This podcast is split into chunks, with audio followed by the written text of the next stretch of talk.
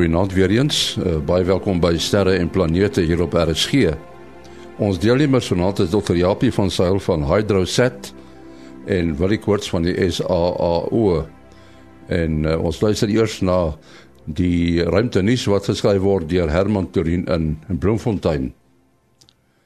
Die Europese Ruimteagentskap het unieke klankbane vrygestel van die Bepi Colombo tuig wat in 'n gesamentlike projek van die Japannese ruimteagentskap onderweg is na Mercurius.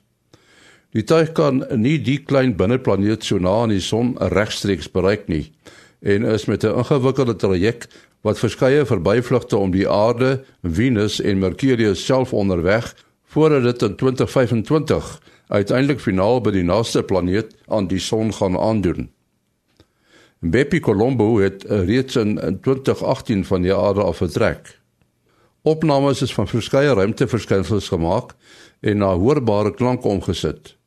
Dit klink wel soos musiek uit die buitenste ruimte. Die verblyfvlug by die aarde klink byvoorbeeld so.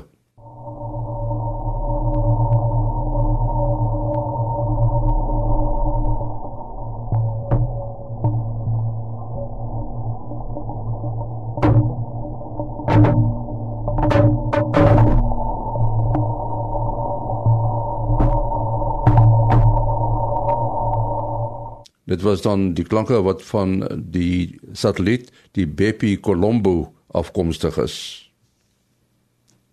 Normaalweg lewer beskikbare rekords nog slegs een bevestigde geval op van iemand wat op aarde deur 'n meteoriet raakgeval is, naamlik Anne Elizabeth Fowler Hodges wat eh, op 30 November 1954 deur 'n fragment van 'n asteroïde getref is. Behalwe nog een geval wat redelik waarskynlik lyk, was trefsla skynbaar so skaars soos ruimterose vol in die blom. Nou blyk dit dat daar wel 'n goed beskryfde voorval was.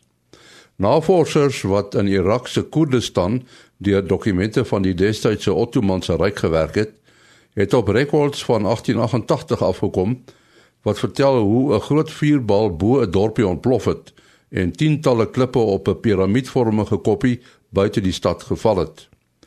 Een man is dood en nog een verlam. Nog dokumente wat opgespoor is nadat dit gedigitaliseer is, dui op nog moontlik 3 sulke gevalle. Die dokumente word nou reeds bestudeer en die bevindinge sal bekend gemaak word sodra dit gereed is. Dit was 'n ruimtenis wat geskryf is deur Herman Turin in Bloemfontein. Vanaand het ons vir uh, eh, Dr. Japie van Sail van Hydrosat en vir Willie Koorts van die SAAO. Uh, eh, ons wil 'n bietjie gesels oor wat in die ruimte aangaan. En een van die interessante dinge Japie is uh, die Long March vuurpyl van die Chinese wat onklaar geraak het en toe sogenaamd buite beheer teruggetuimel het aarde toe. En dis mos gevaarlik, né? Nee? Uh ja, en dit is uh, dis natuurlik nou een van daai dinge wat ehm um, wanneer jy goeders opstuur is daar natuurlik altyd ehm um, stukke van die vuurpyl wat dan nou opgebruik is en uh, hulle moet een of ander plek toe gaan of hulle hou aan wentel om die aarde of hulle val terug. Wat nou hierdie ene nou baie interessant gemaak het is dit was die grootste stuk vuurpyl wat nou nog so onbeheer. Dis dis nou die, die groot probleem gewees. Hy het heeltemal onbeheer teruggekom aarde toe. Ehm um, die die lansering was natuurlik suksesvol vroeg in Mei uh die 5de Mei. Uh maar ehm uh, as jy nou by NASA kyk byvoorbeeld, hulle vir uh, eis dat ons onder ons satelliete genoeg brandstof en so aan het dat ons alles kan onder beheer terugbring aarde toe. Uh, dat jy kan voor, voorspel waar die stukke gaan land en so aan. Uh wat hierdie ding nou gevaarlik gemaak het is hy het nou onbeheer teruggekom so jy moet nou maar kyk wat die atmosfeer aan hom doen en nou kyk waar hy op jou gaan val. Nou gelukkig het hy daarom toe nou nie uh, enige plek geval waar daar uh, groot skade kon kom uit nou in die, in die oseaan geval op die ooit maar dit is maar altyd 'n gevaarlike storie as hierdie soort van dinge gebeur en hulle veral so onbeheer terugkom. Ja, hoe hoe groot is die stuk wat wat toe nou as groot beskou word? Die, die totale stuk was so 30 meter lank. Wow. So dit is 'n ongelooflike groot stuk ehm um, ehm um, van die van die oorspronklike vuurpyl wat teruggekom het. Nou ek is nie heeltemal seker of hy uh, uh heeltemal aan mekaar gebly het of hy opgebreek het op die ou en uh nie maar soos jy kan dink 'n 30 meter lang stuk groot stuk um silinder wat hier van die van die lug uit afkom teen 'n spoed van ongeveer 7 km per sekonde kan nogal 'n bietjie probleme veroorsaak. Ja, ek wonder wat die regsituasie in so 'n geval is. Uh sien nou dat dit op 'n huis geval of iewers in 'n in 'n stad. Uh, wat wat kan 'n mens doen? Jong, daar's 'n daar's 'n internasionale so-called international space law. Um wat uh, wat die mense in sulke gevalle toepas. Uh die die kort uh, storie daarvan is die mense wat die ding gelanseer het is verantwoordelik vir alle skade wat hulle wat hulle um aandoen. So ek um, ek dink dit is 'n storie wat in die toekoms al erger en erger gaan raak. Uh, daar sal meer en meer mense moet um, aan sekere vereistes sal moet voldoen om te kan lanseer sodat hulle hierdie soort van potensiële uh, ongelukke kan vermy. Ja, ek sien nou byvoorbeeld die laaste die laaste rondes, die laaste paar um, omwentelings was nogal oor vastelande oor Australië hier oor ons eintlik en dan ook die die die Oos-Afrika en en dan en dan ook dele dele van Amerika. Ja, soos ek dit verstaan, die uh, mens kan nie so ding se val heeltemal ehm um, voorspel nie omdat die atmosfeer hou nie net woep op nie. Die atmosfeer raak dikker en dunner en hy ook berge en dale en en so aan. So jy jy jy kyk maar soos jy gesê het wat die atmosfeer doen aan hom uiteindelik waar hy waar hy dan uiteindelik genoeg van sy spoed ontslaa raak om dan nou net af te kom.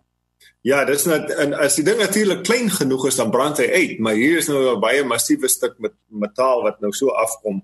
Die beste natuurlik ding sou wees as jy as mense doen wat uh, sê nou maar soos uh, SpaceX en uh en Blue Origins nou doen wat hulle die goederes weer kan laat land op die aarde onder beheer en so aan. Maar ten minste laat 'n mens genoeg brandstof op hulle kan hê sodat jy kan weet jy kan vastelande vermy as hulle terugkom en uh en sinema in groot dele van die oseane val. Maar so iets nou ontplof, uh jy weet uh, dat hy in stukke opbreek. Hoe, hoe gaan jy dit dan beheer? Jy kan nie dis jy's die probleem. Jy kan dit nie beheer as hy in groot stukke opbreek nie. So byvoorbeeld wat ons vir vir NASA moet aan voldoen is dat jy moet kan bewys dat of jou baan gaan stabiel wees vir iets soos 25000 uh, jaar as ek reg onthou of jy moet die die uh, analise doen wat sê dat as die satelliet opbreek as hy deur die uh, atmosfeer terugkom uh, dat hy wel die die stukkies klein genoeg sal wees dat dit um, um, minimale uh, risiko vir mense op die grond sal um, bring. So jy moet dit kan beheer uh en en selfs al breek hy op dan moet jy kan bewys dat um, dit minimale risiko vir mense het inhou. Ons het uh, baie uh, al heel wat gepraat oor die Suiderkruis en so en Dirk Netling hier van Pretoria wat ek nou toevallig ken, het 'n vraag gevra uh en hy sê hy het vir 'n ruk lank het hy gewerk daar in die Midde-Ooste iewers in Abu Dhabi Hy sê uh, Betelgeuse op die nuwe jaar was reg bo ons kop as hy reg onthou. Volgens die Arabiere daar is die regte uitspraak Betelgeuse. Dit beteken blykbaar die huis van neute. ja, hy hy wou eintlik maar net praat oor die Suiderkruis en die posisie van die Suiderkruis. Want uh kyk as hy in Abu Dhabi is, kan hulle die Suiderkruis daar sien? Dis 'n goeie vraag. Ek het nou nie gekyk hoe ver. Dit sal natuurlik dan nou net wees um wanneer hy op sy hoogste, hoe kan die suidhemelpool uitkom? Kyk hier in Suid-Afrika um selfs julle daar in die noorde wanneer die Suiderkruis op sy laagste punt gaan draai, dan is die um, dan raak raak hy net aan die aan die horison. So daar's mos nou een van die Afrika kultuurstorieetjies wat dan uitkom wat uh, die Suiderkruis en dan die um, die wysersterre juis beskryf as uh, as as uh, kameelperde wanneer hulle dan so deur die bome loop dan dan sien jy net hulle hulle koppe so uitsteek. So dit is natuurlik 'n sekere 'n sekere tyd van die jaar. Ja, so ek dink hierso wat eintlik ook hierso sê dan ja, so by hulle eh, so, so kyk julle Pretoria 26 breedtegraad en en dit lyk vir my um, as ek dan nou so vinnig 'n sommetjie doen dan is dit omtrent die die uh, die afstand wat die suiderkruis van die um, van die hemelpool af af gaan draai Uh ek kan eintlik hier 'n vinnige sommetjie doen met stellarium. Ehm um, ja, hy so 34 grade, 35 grade. So enige plek ehm um, verder suid as 35 gaan die um, gaan die suidekruis nooit vir jou onder nie soos in byvoorbeeld in die geval hier by ons. En ehm um, daar by julle soos ek sê raak raak hy net so aan die horison so dit wil sê as jy dit nou aftrek van 90 dan uh, wanneer die suidekruis dan op sy hoogste staan daai breedte graad gaan jy hom gaan jy hom net net net sien uitsteek. Ja ja ja. Ja, so die die die ander uh, betekenis vir Beetlejuice is natuurlik die armholte van die reus. en uh, dit gaan mos nou uh, van Orion wat hierdie groot vegter is en as jy hom nou mooi dophou daar, dan sien jy hy staan met sy arm so in die lug en dan en dan sit sit uh, Beetlejuice juist net daar op aan sy armholte. Ja, jy jy's nou in die sogenaamde ruimtebedryf en uh, hierdie virus wat uh, lyk my wêreldwyd opslaa maak, uh, beïnvloed seker die ruimtebedryf ook want ek sien uh, Richard Branson het sy uh, aandeel in die sogenaamde Galactic die Virgin Galactic projek wil hy verkoop of hy het dit verkoop om die res van sy onderneming te red. So die die die virus maak almok, né? Nee? Jong, dit maak groot aanmaak oor die algemeen natuurlik in die, in terme van hoeveel geld uh, beskikbaar is, veral as dit enige iets te doen het met uh, die sogenaamde cruise ships en en vliegtye en so aan. Ek het uh, net gister gelees die gemiddelde uh, getal passasiers op ons binnelandse vlugte hier in Amerika op die oomblik is 28. Hmm. So die vliegtye is maar redelik leeg en so aan en uh, al daardie ouens uh, trek natuurlik nou verskriklik swaar. Hulle verloor letterlik biljoene dollars op die oomblik. Ek sal nou nie verbaas wees as hy dan 'n uh, bietjie moet kyk selfs selfs daai ouens se sakke is nie diep genoeg om sommer net hierdie ding heeltemal te kan oor oorleef nie. Uh, ek het nou die dag gehoor van 'n ou wat uh, hy hy besit 3 van hierdie um, cruise lines hierso onder andere een van die grootste Norwegian cruise lines en hy hy dink daaraan hy sal dalk moet uh, bankrot uh, homself bankrot verklaar. Ja. As gevolg van die feit dat daar nou uh, geen passasiers is natuurlik nie, maar hy het al die uitgawes van al hierdie groot skepe wat hulle moet onderhou en so aan.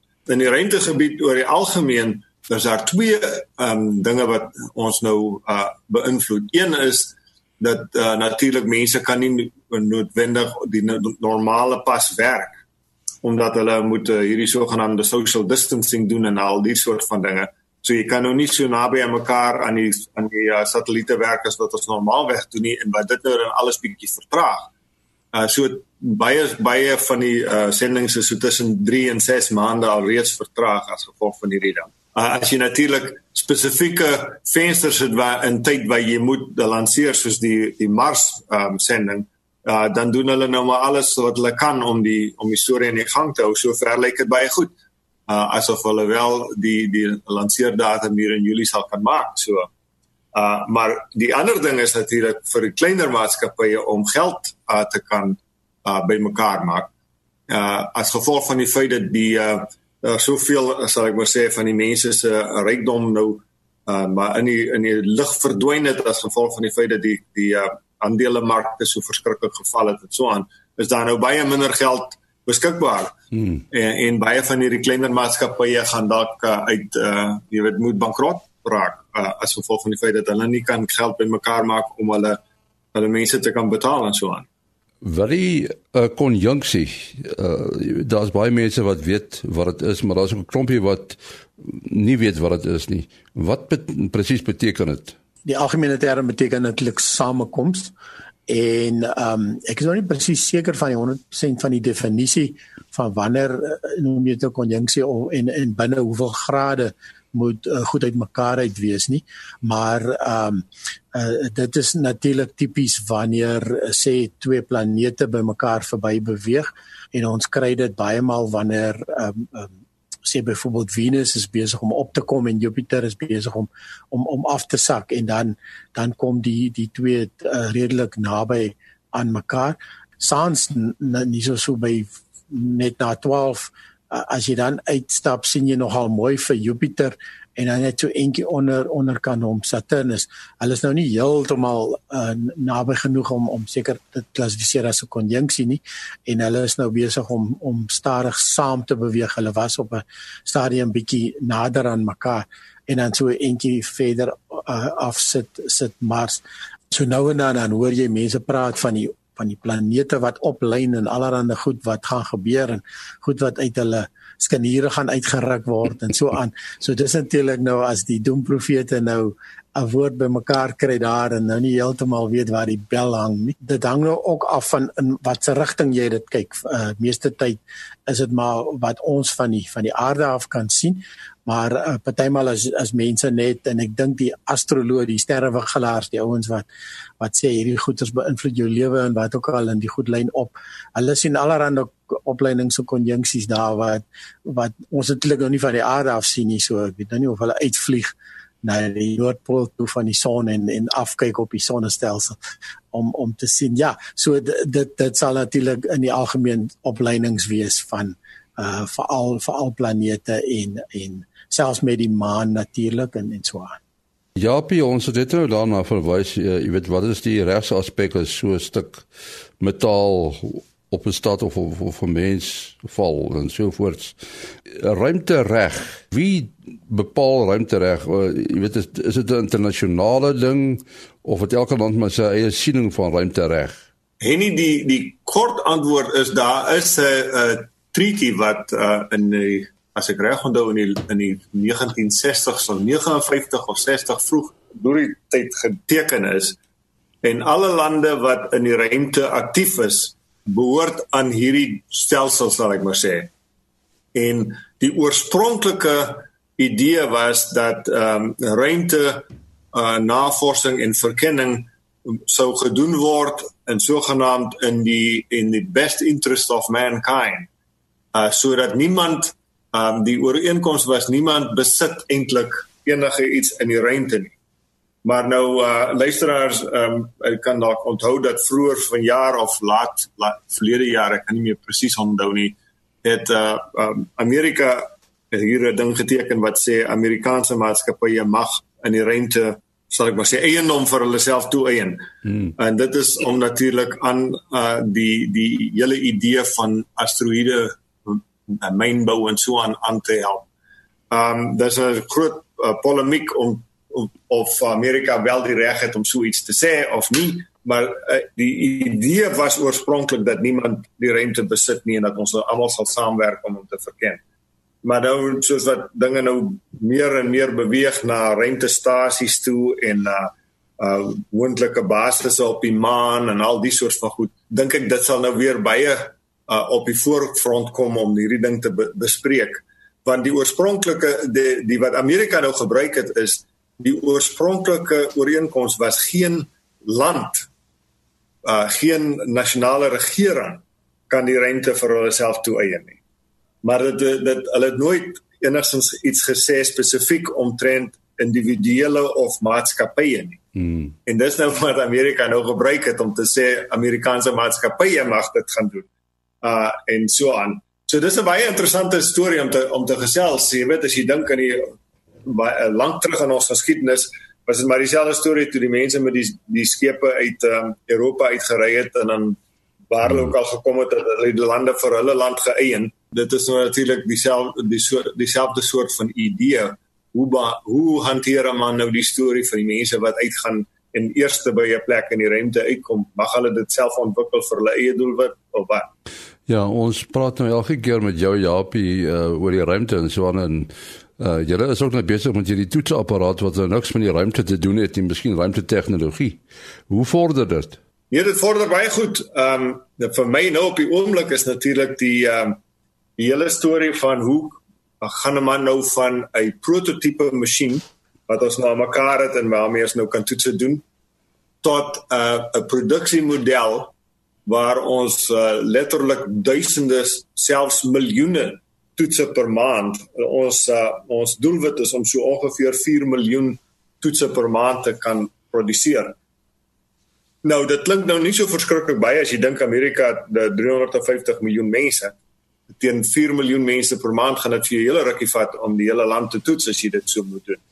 Maar um, ons masjien is um, uh, sensitief genoeg dat ons nou 'n uh, 'n hele nuwe idee hier uh, mee voor in dag gekom het. Ons kan 'n bietjie speeksel van uh, mense vat. Dink nou maar jy wil 'n klomp mense toets en jy deel hulle op en sê so groepe van so ongeveer 20 dink ons kan ons dit hanteer. So jy vat 'n bietjie speeksel van uh, al 20 mense, sit dit in een toets in. Ons toets is uh um sensitief genoeg sodat ons kan dadelik sien of daar wel enige virusse in daardie sal ek maar sê bondel mense is. Uh so as daar geen virus is nie, dan weet jy al 20 daai mense is skoon. So dan jy 20 mense klaar getoets. Maar as daar nou 'n virus is, dan moet jy nou daai ander daai 20 mense weer oortoets om seker te maak watter een van die mense dit het. Maar as dan dit begin nou 'n interessante wiskundige probleem raak, dan deel jy hulle in twee groepe van 10 en dan twee eh, jy weet en dan 14. Ah. En so, so jy kan met a, net 'n klein hoeveelheid toetse kan jy eintlik 'n baie baie groot hoeveelheid mense baie vinnig toets. En dit is natuurlik nou 'n belangrike ding as ons die die lande weer begin oopstel en so aan.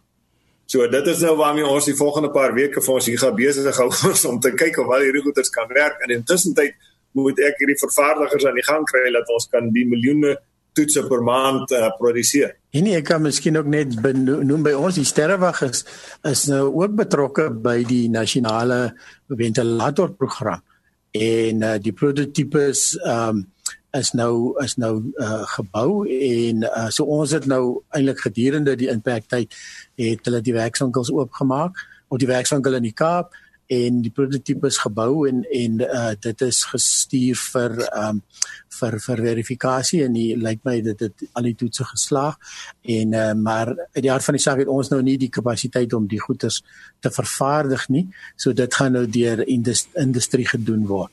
So uh, ja so dit lyk my sterrekunde en ruimtekunde het dan nou ook by die virus uitgekom. Ja, ja, ek wou vra as hierdie masjien van jou, is dit coronavirus spesifiek of enige virus? Die kort antwoord is dit is nie spesifiek 'n uh, coronavirus nie.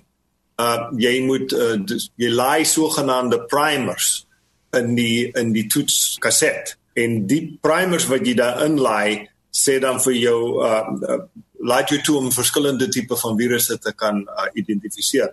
Uh so ons werk op die oomblik natuurlik nou omtrent uh, uh, uitsluitlik op die coronavirus maar ons het al voorheen hierdie masjien gebruik vir HIV, ons het dit al gebruik vir uh, van die van die uh, hepatitis B en so aan.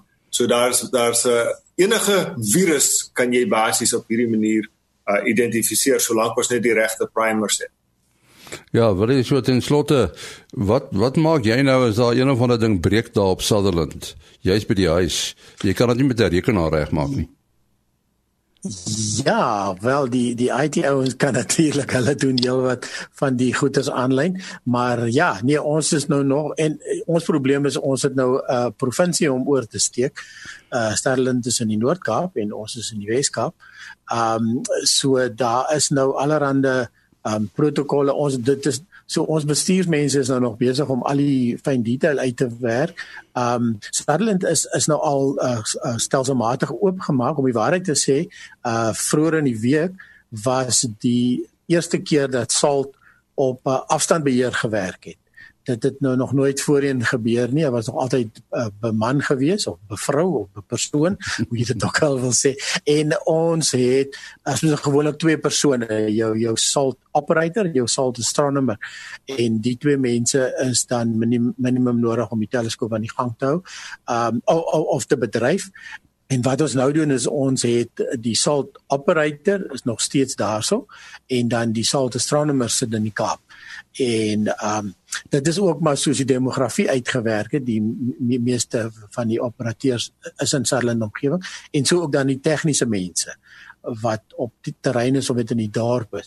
Uh, so salt werk nou weer ten volle uh op op hierdie manier en um en dan 'n hele paar van die ander fasiliteite is is alreeds weer opgestart sal ek maar sê hulle is aan die gang weer uh vir al jou robotiese stelsels wat uh, nie mense nodig het nie.